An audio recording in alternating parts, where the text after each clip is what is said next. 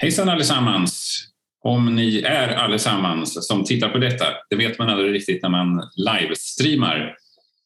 Jag heter Jesper Bengtsson och detta är ytterligare ett avsnitt av Yttrandefrihetspodden. Eh, vi ska idag prata om ett ämne som vi har berört tidigare eh, i eh, sådana här yttrandefrihetsfrågor. Vi har pratat både om Ryssland och Ungern nämligen i tidigare program. Men nu ska vi prata lite specifikt om det här mot eh, de förbud som införs mot information, undervisning, böcker, filmer, musik om hbtqi-frågor eh, och eh, lite vad det kommer sig. Det slog mig när jag satt och började förbereda det här avsnittet att eh, det är lite fascinerande att det just är det som hamnar i skottgluggen på så många ställen. Så vi ska titta lite på hur det ser ut specifikt i Ungern och där har vi med oss Daniel Gustafsson som väl får kallas Ungern-expert. Du jobbar också på Översättarcentrum och har tidigare suttit i PENs styrelse. Och sen för Ryssland så har vi med oss Stefan Ingvarsson som också har varit med i programmet tidigare och när vi har pratat just om eh, bredare om Ryssland. Eh, du jobbar idag på Utrikespolitiska institutet bland annat. Du har också en bakgrund i Svenska PEN ska jag säga. Där du jobbade med vårt Belarus-projekt under det här året. Ja. En mycket viktig fråga det också, som vi också har pratat om i, eh, i podden. Eh, men först, eh, vad, vad, vad, finns det för regler egentligen? Vi börjar med Ungern, för det är väl det som har kommit senast. I somras hörde vi talas om nya regler mot den här sortens information och, och undervisning. Daniel, vad, vad handlar det där om? Ja, jag får först eh, så här, kanske reservera mig mot Ungern-expert. jag kan Ungern från egentligen ett litterärt håll. Jag är översättare och författare i första hand. Och jag följer ju Ungern naturligtvis nära, men det var några år sedan jag var där. Mm. Eh, så jag, jag, är inte liksom eh, alltså en samhällsvetare, journalist eller sådär. Men jag försöker hänga med och få svara på frågor ganska ofta. Mm. Jo, det var eh, det som utlöste väl ett debacle inom EU var ju pedofillagen eh, som lanserades då i somras i Ungern. Mm. Som var då en lag som var stiftad egentligen på ryskt eh, maner. Det kom väl en lag redan 2013 i Ryssland med ungefär samma skrivningar men det är helt enkelt, man ska skydda barn. Man ska skydda barn från pedofili. Men då drar man in en massa tveksamma, tveksamheter här naturligtvis. Eh, alltså eh, homosexualitet och könskorrigering är ämnen då som inte får populariseras som det heter. Eh, och det här för personer under 18 år. Så i praktiken betyder det då att de här frågorna inte får tas upp till exempel i skolan i sexualundervisning och sånt. Och sen får det ju vidare konsekvenser ute i samhället. Då. Vad är popularisering till exempel? Men det är ett sätt att komma åt eh, hbtqi-organisationer eh, och annat egentligen. Mm. Eh, en ganska redan marginaliserad grupp i Ungern. Och vi kan väl komma in lite på motiven bakom det här men, men lagen är, den saluförs då som en antipedofililag. Mm. Och eh, ja, eh, gensvaret blev ganska stort i EU kan man ju säga med eh, häftiga protester. Och det här är alltid något som spelar Orbán i händerna. Ju mer EU tycker illa om Ungern desto större stöd brukar de få hemma. Men kanske inte den här gången. Eh, det finns vissa tecken som tyder på att det inte kanske var lika lyckat det här draget. EU-reaktionerna var starka. Vad sa de egentligen? De har ju kritiserat Ungern för en massa olika saker tidigare också utan att det egentligen har fått någon effekt. Nej, men att det här kränker grundläggande rättigheter. Mm. En sån här lag kan man liksom inte införa inte på det här sättet eh, och så vidare. Och man vill ju liksom stoppa en massa bidrag och sånt här. Mm. Och det var ju väldigt många, jag tror 14 eller 16 länder som, som gick ut gemensamt, bland Sverige, och protesterade. Mm. Ursula von der Leyen har också varit extremt uh, hård mot Ungern i, den här linjen, eller i den här frågan. Just det, just det. Daniel, sitter du och pickar med en penna? Ja, förlåt. det, är sånt, det är sånt du kan klippa bort när vi, när vi gör podd av det här sen. Ja. ja inte själva pickandet kanske, men min kommentar. Ja, jag ska lägga ifrån mig pennan. Stefan, eh, Ryssland då, hur ser reglerna ut där och har de motiverats? Alltså egentligen får man gå tillbaka lite mer än ett decennium och titta på Litauen som var först. Och Litauen eh, antar en sån här lag, lag 2009 Och eh, då får det ganska lite reaktioner i omvärlden, vilket mer tyder kanske på hur mycket Litauen går under radarn. Mm. Det, det, är viktigt någonstans att poängtera att när, när Ryssland tar det här steget fyra år senare, då har alltså ett EU-land redan gjort detta. Ja.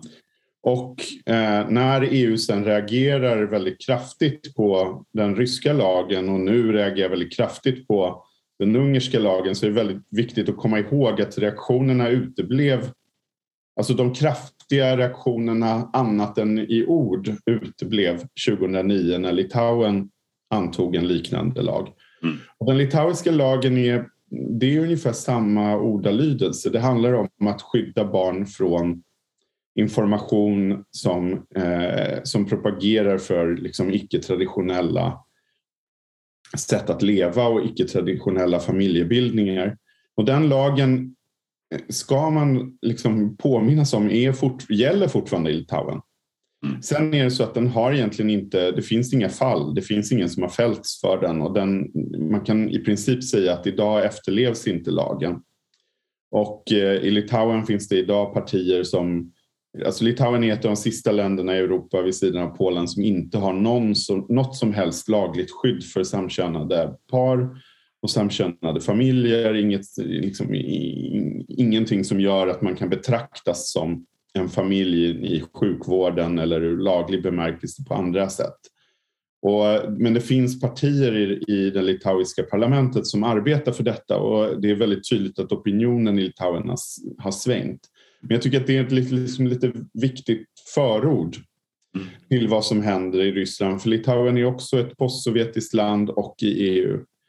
Och när Ryssland antar den här lagen 2013 så, så antar man den i en svängning som Putin-regimen precis har gjort för mer konservativa för mer, liksom mer konservativ ideologi.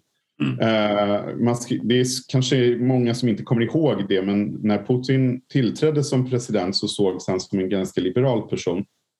Även liberal, alltså eh, absolut macho och absolut ingen förkämpe för inkludering men, men han var heller inte betraktad som en liksom, ortodox och konservativ eh, politisk kraft utan det är någonting som började hända lite senare under eh, och framförallt hans återkomst efter Medvedevs tid vid makten.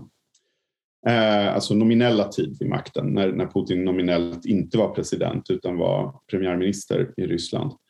Och när han kommer tillbaka så är det en rad saker och det, det handlar ju också framförallt om, om våld i nära relationer som ju är en eh, mycket het fråga i, i eh, i Ryssland. Men det här blev liksom en del av en, en mer konservativ sväng där man testade eh, att försöka tilltala mer konservativa grupper i samhället. När den här lagen eh, antogs i Ryssland så hade den ett, eh, alltså, vi kan inte riktigt lita på opinionsmätningar från den tiden, men säkert ett stöd av ja, men 8 av 10 ryssar eller mer. Eh, så att det här, är, det här var inte på något sätt kontroversiellt utan det var verkligen att slå in öppna dörrar. Det var helt i linje med hur opinionen redan hade formats kring de här frågorna. Så att eh, egentligen var det en väldigt populär lag när den antogs i Ryssland. Men, ja. Jag tänkte att man, man kan, kan backa lite i Ungern också för det här är ju ingenting som är, har dykt upp från ingenstans om man säger så utan redan när Orban tog över i sin fantastiska valseger eh, för över tio år sedan så skrev man ju också en ny grundlag. Och eh, Orban hade ju förstått att det nationalkonservativa var det som kunde appellera de ungerska väljarna efter Socialdemokraternas stora katastrofval liksom då, som berodde på en, en massa oegentligheter som, som uh, läckte ut om, om vad uh, alltså Eh, partiledaren, hade sagt under en konferens. Eh, hur som helst, eh, man skrev in i, i, grundlagen till exempel att, eh, att äktenskapet är någonting som, som sker mellan man och kvinna. Så redan i grundlagen finns det inskrivet då att samkönat äktenskap i, i grundlagen inte är tillåtet i Ungern och sen har det liksom fortsatt på den här vägen. Ehm, ja, och Stefan, du vet, känner säkert, eller du vet ju det här mycket väl, men homofobin i de gamla eh, sovjetiska staterna och i Östeuropa är ju ganska utbredd. Så att det är ju inte någon gång eh, något nytt egentligen. Mm. Utan man bygger vidare på någonting som finns. Men för Ungerns del kanske det kommer lite för sent, kan jag tro ibland. Alltså, ja, men jag, jag tänker ja. på det också, det, för att eh, det ni beskriver är ju att det är politiska ledare som använder en slags nykonservativ nationalistisk opinion där de liksom i, verkar nästan identifiera frågor som är bra rent populistiskt för att vinna de här grupperna. Och så blir det den här, bygger det på den här homofobin i så fall. Mitt, mitt intryck av Ungern är ju att det också är ett ganska modernt samhälle till stora delar och Litauen som du beskriver lite likadant, Stefan. Ryssland kan jag inte så mycket om, men, men, men är det så att de, eh, ja, de hittar de här frågorna för att de passar dem just då? Eller? Vad, vad tror ni att skälet är? Jag, tror jag, jag brukar förklara det så här. Eh, när, Putin, när Vladimir Putin kommer till makten så är den största oppositionen kommunistpartiet. Det är ju ett parti som som sen har blivit en del av det vi kallar för systemoppositionen, det vill säga en opposition som existerar men som i princip följer Eh, presidentadministrationens linje. Och som just i höst, bara som en parentes, så har vi börjat se lite eh, lite egensinnigt eh, oberoende beteende från vissa av kommunistpartiets politiker. Och om man ska titta på någonting som antyder en spricka i Putin-regimens eh, maktinnehav så är det att kommunistpartiet nu börjar, eh, börjar eh, röra på sig. Man ser, alltså det är för tidigt att säga att de har brutit med, med Kreml men, men man ser att de börjar testa gränserna. Men, men om vi går tillbaka till Putins tidiga maktinnehav så är kommunistpartiet det stora oppositionella eh, partiet och det som han egentligen är orolig för. Det är därför man inte begraver Lenin, det är därför man inte rör en massa sovjetiska symboler. Man vill liksom inte väcka den här björnen. Men man söker ju också frågor där eh, olika delar av den ryska befolkningen skulle kunna enas. Och det är väldigt få frågor där man kan enas, för det finns väldigt inbitna Sovjetnostalgiker, det finns väldigt radikala ortodoxa, det finns eh, en stor majoritet som mest vill låta allting vara och leva i lugn och ro. Hur ska man liksom få alla de här krafterna att enas kring någonting? Och då hittar man på några saker. Ett av dem, en av dem är segern i andra världskriget och firandet av 9 maj. Där måste alla, från patriarken till de mest eh, ultraortodoxa till de mest sovjetnostalgiska. Alla krafter i samhället måste enas kring detta. Och så letar man efter andra sådana här punkter. Var skulle vi kunna ena alla grupper i samhället? Och då är eh, just homofobin eh, och liksom det så kallade försvaret då för traditionella familjevärderingar. Det är den här andra punkten där man kan få också kommunistpartiets mest hårdnackade väljare att ställa upp på den här agendan. Så jag brukar säga att de här traditionella familjevärderingarna, det är en, det är en, den, den frågan är så otroligt känslig och infekterad för det handlar om att försöka skapa en nationell enighet. Att det är en av de få frågorna där man kräver att alla ska vara eniga och stå bakom det. Ja. Utom, utom de grupper som berörs av detta då får man väl tillägga? Ja, utom de grupper som berörs av detta. Och, och, men de grupperna, man ska ju också komma ihåg att homosexualitet är olagligt i Sovjetunionen och i alla dessa länder, då inklusive Litauen, så sker det en liksom legalisering av eh, samkönade relationer på 90-talet. Så att det här är frågor också där Eh, eh, transpersoner och homo och bisexuella i de här länderna har precis börjat organisera sig på 90-talet. Det här är svaga grupper i samhället. De är inte så inkluderade, de har inte liksom gjort väsen av sig. Jag tyckte också det du sa, eh, Stefan, vändningen mot, mot traditionella kristna värderingar. Det är samma sak med, med Orban som med, som med Putin.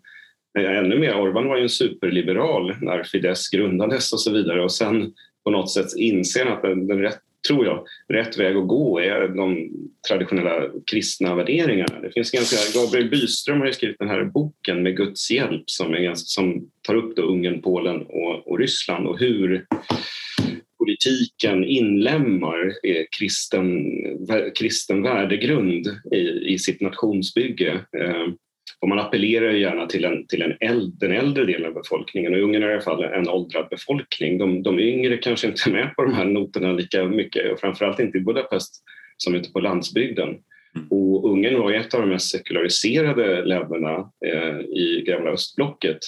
Så den vändningen är ju, är ju intressant och, och där är naturligtvis eh, de här utspelen eh, mot homosexuella, framförallt i Ungern transpersoner, någonting som hänger ihop med den här nationalkristen konservativa agendan. Vilket är jätteintressant. Vilket är superintressant för där finns det också paralleller till många amerikanska delstater idag där man faktiskt eh, arbetar ganska aktivt ifrån eh, kon, de mest konservativa republikanska politikernas sida. Att eh, i skolorna ska man inte tillåta vissa typer av böcker som handlar om just de här frågorna men också så här critical race theory och sånt. Läste en artikel i New York Times häromdagen där en republikansk politiker i Texas hade skickat ut en lista med 850 böcker som han tyckte skulle förbjudas från skolundervisningen. Han hade också råkat få med några ganska kraftigt konservativa som kritiserade just det han ville förbjuda. Mm. Eh, men, men det var väl mer misstag tror jag. Men det verkar gå en sån våg i alla fall över som på något sätt och menar, det, var, det var också tydligt att den här lagen när den antogs i Ryssland så var det ett sätt att det var ju ett sätt att jobba med den inhemska opinionen eh, och hitta en enighet kring en fråga. Men, men det som hände efter 2013 var ju att Ryssland blev extremt populärt världen över eh, i ultrakonservativa kretsar. I USA, i Brasilien, i eh, många andra länder så blev Ryssland plötsligt en förebild. Och jag vet inte om, om Putin-administrationen hade tänkt sig denna effekt men de lapade i sig eh, det här berömmet eh, som de fick internationellt. Mm. Och plötsligt så började en massa kompasser att ställas om i omvärlden vad gäller Ryssland där Ryssland blev en sorts led, alltså från att ha varit det här postsovjetiska landet som man inte riktigt visste vad man hade och som gick mot ett auktoritärt håll så blev man plötsligt den stora liksom, fanbäraren mm. vad gäller traditionella familjevärderingar. Och det är intressant med, i Ungerns fall då, med, med Orban som då var en så här hård antikommunist och, och antirysk på många sätt till en början. Och nu är ju eh, Putin och Ryssland förebilder på många sätt och det är mycket eh, ekonomiska kontakter, politiska kontakter som knyts eh, mellan, mellan Ryssland och Ungern. Så han har ju gått från antirysk till, till prorysk, eller framförallt pro-Putin ska jag säga. Att han, han ser ju en, en, en ledartyp som han gärna sällar sig till i Putin och ser att det går, det är framgångsrikt. Problemet med, med Orban är att han sitter ju, eller Ungern är med i EU och det är inte Ryssland. Nej. Men det är också Litauen som uppenbarligen gick först och, ja. och även Polen. Jag vet du kan ganska mycket om Polen också Stefan. Där, vi har ju läst om de här hbtq-fria zonerna där kommuner i södra Polen framförallt antagit sådana. Men, men finns det liknande lagstiftning som vi pratar om här, där också? Det finns ett medborgarinitiativ. Kaja Godek, en ultrakatolsk aktivist eh, som tidigare har legat bakom inskärpningen av eh, det abortförbud som fanns i Polen. Eh, hon är på krigsstigen igen och lämnade förra året in en lag med, med medborgarunderskrifter till den polska sejmen för ett förbud mot eh, demonstrationer som förespråkar hbtqi-rättigheter. Och eh, då eh, förkastades hennes lagförslag av, på formell grund för att det, ja, det var en dåligt skriven lag. Mm. Nu i augusti kom hon tillbaka med 140 000 nya namnunderskrifter Eh, och lagen har gått igenom sin första läsning nu i höstas men antogs inte utan har nu remitterats vidare till inrikesutskottet. Och så får vi se vad som händer. Men den här lagen är mer inriktad på gatudemonstrationer eh, där hon menar att det, det går emot den allmänna folkviljan att den här typen av extrema minoriteter ska få demonstrera sina åsikter i stadsrummet. Mm. Det är Pride. Ja, det är Pride, Pride-festivaler och annat som hon vill Pride-festivaler. Mm. Eh, som man ska komma ihåg i Polen också har blivit, alltså Samtidigt som Polen ofta med rätta beskrivs som EUs mest homofoba land, för att det är det på, från myndigheters sida absolut, och när det gäller bristande skydd för eh, minoriteter inom den gruppen i, i, i Polen, så ska man ju också komma ihåg att när det tidigare var en eller två Pride-demonstrationer eller det är egentligen hbtqi-rättighetsdemonstrationer ska man komma ihåg. De skiljer sig ganska mycket från våra Pride-parader. Mm. Eh, så finns det nu en sån i alla större 17, 18, 19 polska städer. Eh, och den polska opinionen har ju också svängt när det gäller partnerskapslag. Eh, så att det pågår två olika processer. Sen brukar jag alltid säga att Polen skiljer sig från Ryssland. Daniel, precis som du karaktäriserade Ungern som ett av eh, Centraleuropas mest eh, sekulariserade länder så är ju Ryssland eh, ett av världens mest sekulariserade länder.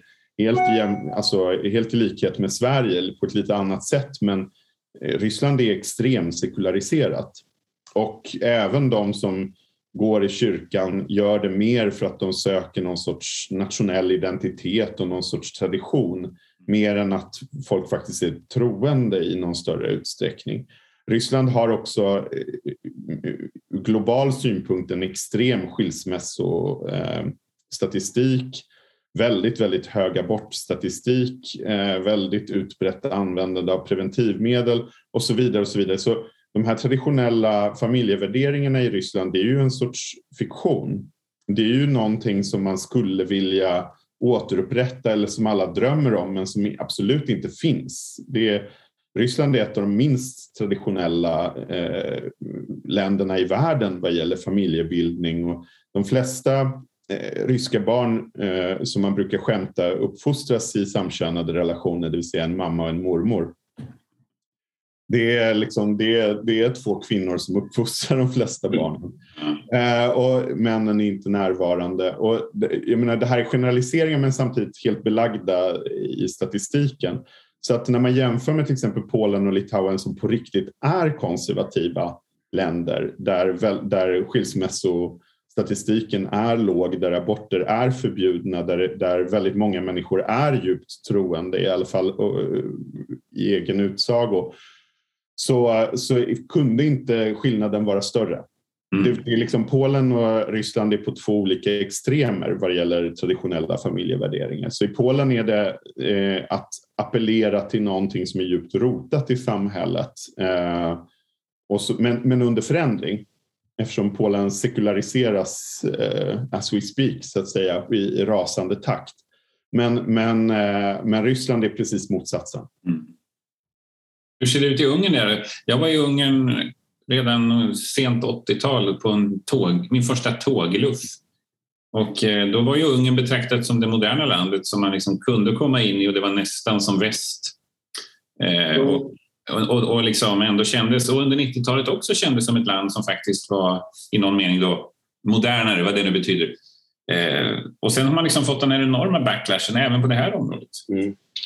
Ja, det kallades ju den gladaste baracken i lägret, äh, och det var det väl också under 70-80-tal sådär, ja. efter kadarismen. Men eh, vad gäller religion och religiositet så är Ungern också inte, skillnad från Polen och, och, Ryssland, inte homogent utan katolska kyrkan är kanske det är det största samfundet. Men sen har vi en ganska stor protestantisk kalvinistisk kyrka också. Mm. Eh, och mer fler små, och frikyrkorna är stora och sådär. Och den katolska kyrkan har inte alls varit med på, på noterna eh, vad gäller Orban. Utan det har ju varit tyvärr för, för oss i Sverige, då, den protestantiska kyrkan har ju varit den, den hårdaste och där nationalismen verkligen frodas. Eh, det det varit fruktansvärda uttalanden från, från protestantiska präster. Men det är ju en ganska litet segment av samhället som, som ägnar sig åt de här sakerna och det kanske är därför som det här nya lagförslaget då, antipedofillagen inte kanske fick det genomslag som Orban hade hoppats på därför att man känner att det här är någonting som griper in i, i privatlivet, hur vi uppfostrar våra barn i vår familj är vår sak. Det ska inte staten säga till oss. Medan deras argument är ju då att det är upp till föräldrarna att, att eh, uppfostra sina barn. Det ska inte komma några aktivister in i våra dagis och skolor och säga åt eh, våra barn att byta kön ungefär. Det är så eh, politiken ser på det hela. Men i de breda befolkningslagren så är det svårare att se att det här får inte samma genomslag som antimigrationstankarna som fanns eller anti-Soros-tankarna, en, en yttre fiende som, som hotade Ungern som var ju Orbans väg till framgång i det förra valet. det, det är lite strategiskt att han då, ja, men nu definierar jag en fråga här som, som kan ena oss igen. Men nu är det en inre fiende så att säga. Mm. Men den fienden är ju så pass marginell i Ungern. Det ser ju folk och de flesta, alltså attityderna, okej okay, det finns en homofobi som är utbredd. Men samtidigt så finns det också en sån här, finns en massa kändisar som är homosexuella och folkkära och det är inte så att det är, folk känner att alltså flyktingarna var någonting värre tyckte folk. Alltså nu kommer det en massa flyktingar och svämmar över. Nu kommer det en massa muslimer. Men det här är ju människor som har levt i, alltså i, ja, i familjer och samkönade äktenskap är inte tillåtet men att leva samkönat är tillåtet och så vidare. Så att, eh, jag tror inte att den här strategin var helt eh, genomtänkt och lyckad av, av Orban i det här fallet. Därför har han också utlöst en, utlyst en, en lagen, det här är bisarrt, lagen är genom, genomröstad men, men han ska ändå ha en folkomröstning om den här lagen samtidigt, egentligen på valdagen är det nog tänkt att det ska ske för att boosta liksom den här frågan. Då. Och då har den från början vad hade den ju mer en allmän eh, skepsis mot, eh, mot eh, homosexuella, bisexuella och transpersoner förvandlats till en antitrans eh, fråga. Att det, det, det här vi ska inte låta aktivisterna uppmana våra barn att byta kön för det. För skepsisen mot, mot transpersoner är mycket, mycket större än vad det är mot, mot homobisexuella i Ungern. Här ser vi liksom hur homofobin och populismen i jakten på stöd för något slags nykonservativt projekt liksom begränsar yttrandefriheten i, på just de här områdena. Men hur ser motståndet ut i Ryssland och Ungern. Då. Du nämnde lite där, det finns många kändisar som går mot strömmen genom sig själva så att säga. Men finns det organiserat motstånd? I Ungern? Mm. Ja, absolut. Och, uh, I år kunde man genomföra eh, en ganska lyckad och stor Pride-festival eller Pride-tåg i Budapest och för första gången också på landsbygden i, staden Pécs. Mm. Uh, så att det finns en uppslutning liksom, uh, från andra hållet, absolut. Eh, ett intressant exempel bara, jag pratade med en översättare som jag känner igår. Det, det, kom en, det här var ett ganska känt uh, klipp på Youtube. Det, kom en sagobok som heter Sagolandet tillhör alla förra året. Som är en slags, den handlar inte bara, den, det handlar om så där, det är sa, nya versioner av gamla sagor och nya sagor med eh, så att säga, karaktärer som inte är normativa på olika sätt. Eh, det, det finns någon uppenbar eh, icke-binär person och sådär. Men, men det kan vara att man är fattig eller att man är någon rom och sådär. Eh, att eh, det tar upp våld i nära relationer och sånt här också. Eh, men då var det en parlamentsledamot på yttersta höger, då, inte Fidesz utan ett extremparti som under en presskonferens körde den här eh, sagoboken genom en dokumentförstörare Och eh, Orban nappade ju på det här och så vidare. Men den här boken blev ju en jättesuccé naturligtvis och eh, har sålt slut och den får säljas i bokhandeln. På några ställen har den tagit bort från bibliotek. Men det var ju så att den väckte mer löje än, än att folket stod upp bakom de här sakerna. Att, att börja förstöra böcker är ju ingenting som man vill i allmänhet göra i ett land, tror jag. Mm. Jag tror att det är viktigt att poängtera hur laglösa hbtqi-personer är i Ryssland idag. Eh, den här lagen inte bara eh, vad den är, det vill säga inte bara ett, eh, en begränsning av yttrandefriheten som gör att man inte kan prata om homobisexualitet och att man inte kan prata om transpersoner, att man inte kan benämna deras vardag, man inte kan debattera deras eh, utsatthet i samhället, inte argumentera för eh, icke-diskriminering.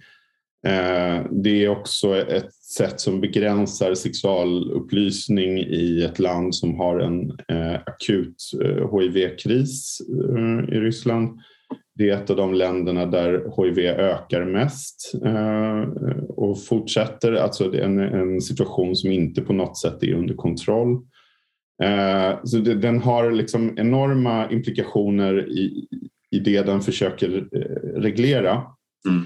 Men den har också enorma implikationer som en sorts signal till hela eh, rättssystemet och förvaltningen om hbtqi-ryssars eh, plats i samhället.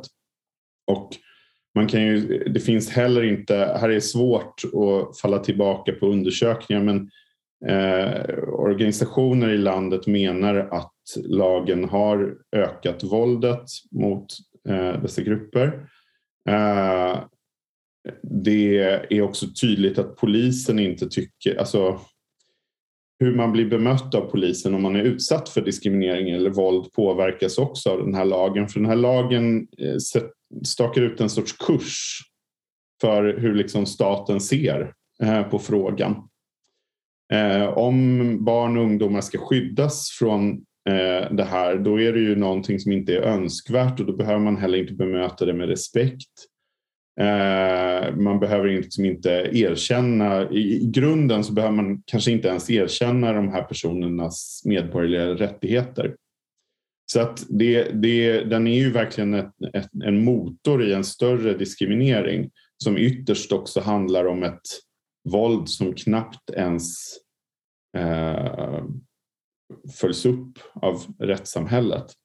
Så att du är, du är utsatt för våld, eh, hatspråk och uppmaningar till våld, de är ju inte på något sätt begränsade. De, kan man, de stämplas aldrig med en annan väldigt omtalad lag i Ryssland, nämligen deras extremistlag. Det är inte som att eh, de blir stämplade som extremister utan uppmaningarna till våld frodas och polisen följer sällan upp den här typen av våldshandlingar. Dessutom skulle du själv gå till polisen är det ofta så att du blir bemött med, alltså du blir så att säga dubbelt eh, diskriminerad, eller du blir diskriminerad även där helt enkelt. Mm, mm, mm. Förlöjligad. Mm. Okej hörni, vår tid eh, för den här podden börjar att eh, rinna ut. Eh, och nu har Daniels bild frusit lite där också, men du hör oss kanske fortfarande.